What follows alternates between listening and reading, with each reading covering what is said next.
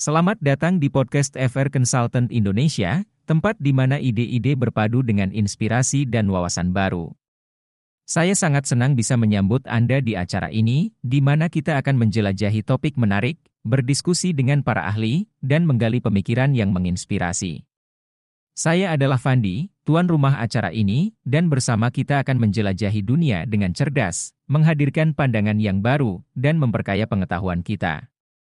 Bersiaplah untuk pengalaman mendalam yang mengubah cara kita melihat dunia. Selamat mendengarkan.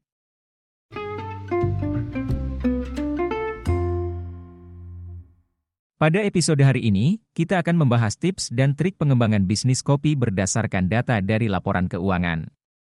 Kopi adalah salah satu industri yang terus berkembang, dan dengan memahami laporan keuangan, kita dapat mengoptimalkan bisnis kita agar berhasil. Mari kita mulai. Pertama-tama, penting untuk memahami apa yang ada dalam laporan keuangan. Ada tiga bagian utama yang harus diperhatikan, laporan laba rugi, neraca, dan laporan arus kas. Laporan laba rugi memberikan gambaran tentang pendapatan, biaya, dan laba bersih perusahaan. Neraca memberikan informasi tentang aset, kewajiban, dan ekuitas pemilik perusahaan. Laporan arus kas menggambarkan aliran masuk dan keluar uang tunai selama periode waktu tertentu. Setelah memahami laporan keuangan, kita dapat menggunakan data ini untuk mengidentifikasi peluang dan tantangan dalam bisnis kopi kita. Pertama, mari kita bicarakan tentang tips untuk meningkatkan pendapatan. Tip pertama adalah menganalisis komposisi pendapatan. Lihatlah sumber pendapatan utama Anda dan identifikasi segmen mana yang paling menguntungkan. Apakah itu penjualan kopi siap saji, penjualan biji kopi, atau mungkin layanan tambahan seperti kelas pelatihan atau pengiriman? Dengan memahami komposisi pendapatan Anda, Anda dapat fokus pada segmen yang paling menguntungkan dan mengembangkan strategi untuk meningkatkan pendapatan dari segmen tersebut. Tip kedua adalah menganalisis biaya operasional. Tinjau biaya-biaya yang terkait dengan produksi kopi, overhead, gaji karyawan, dan lain-lain. Identifikasi area di mana Anda dapat mengurangi biaya atau meningkatkan efisiensi. Misalnya, Apakah ada kegiatan yang dapat diotomatisasi atau digantikan dengan teknologi yang lebih efisien?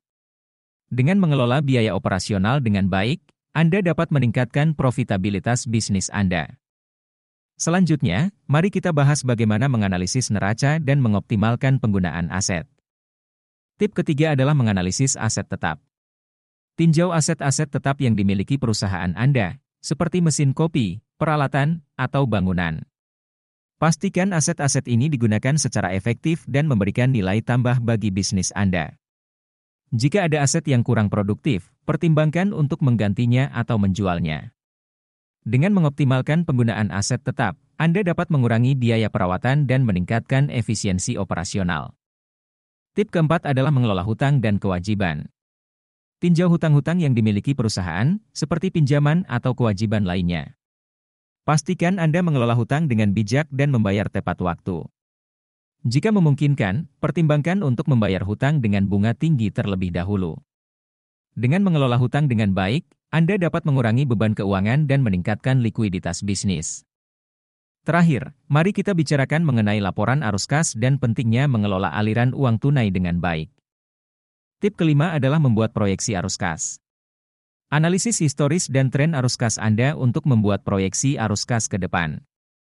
Ini akan membantu Anda memahami periode-periode di mana Anda mungkin menghadapi tekanan keuangan atau memiliki kelebihan uang tunai.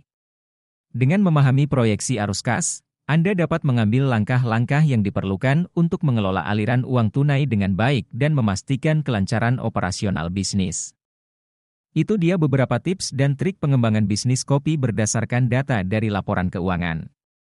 Dengan memahami laporan keuangan dan menerapkan strategi yang tepat, kita dapat meningkatkan kinerja bisnis kopi kita. Terima kasih telah mendengarkan episode hari ini. Saya harap tips dan trik yang kami bagikan dapat bermanfaat bagi Anda dalam mengembangkan bisnis kopi Anda. Jika Anda memiliki pertanyaan lebih lanjut, jangan ragu untuk menghubungi kami.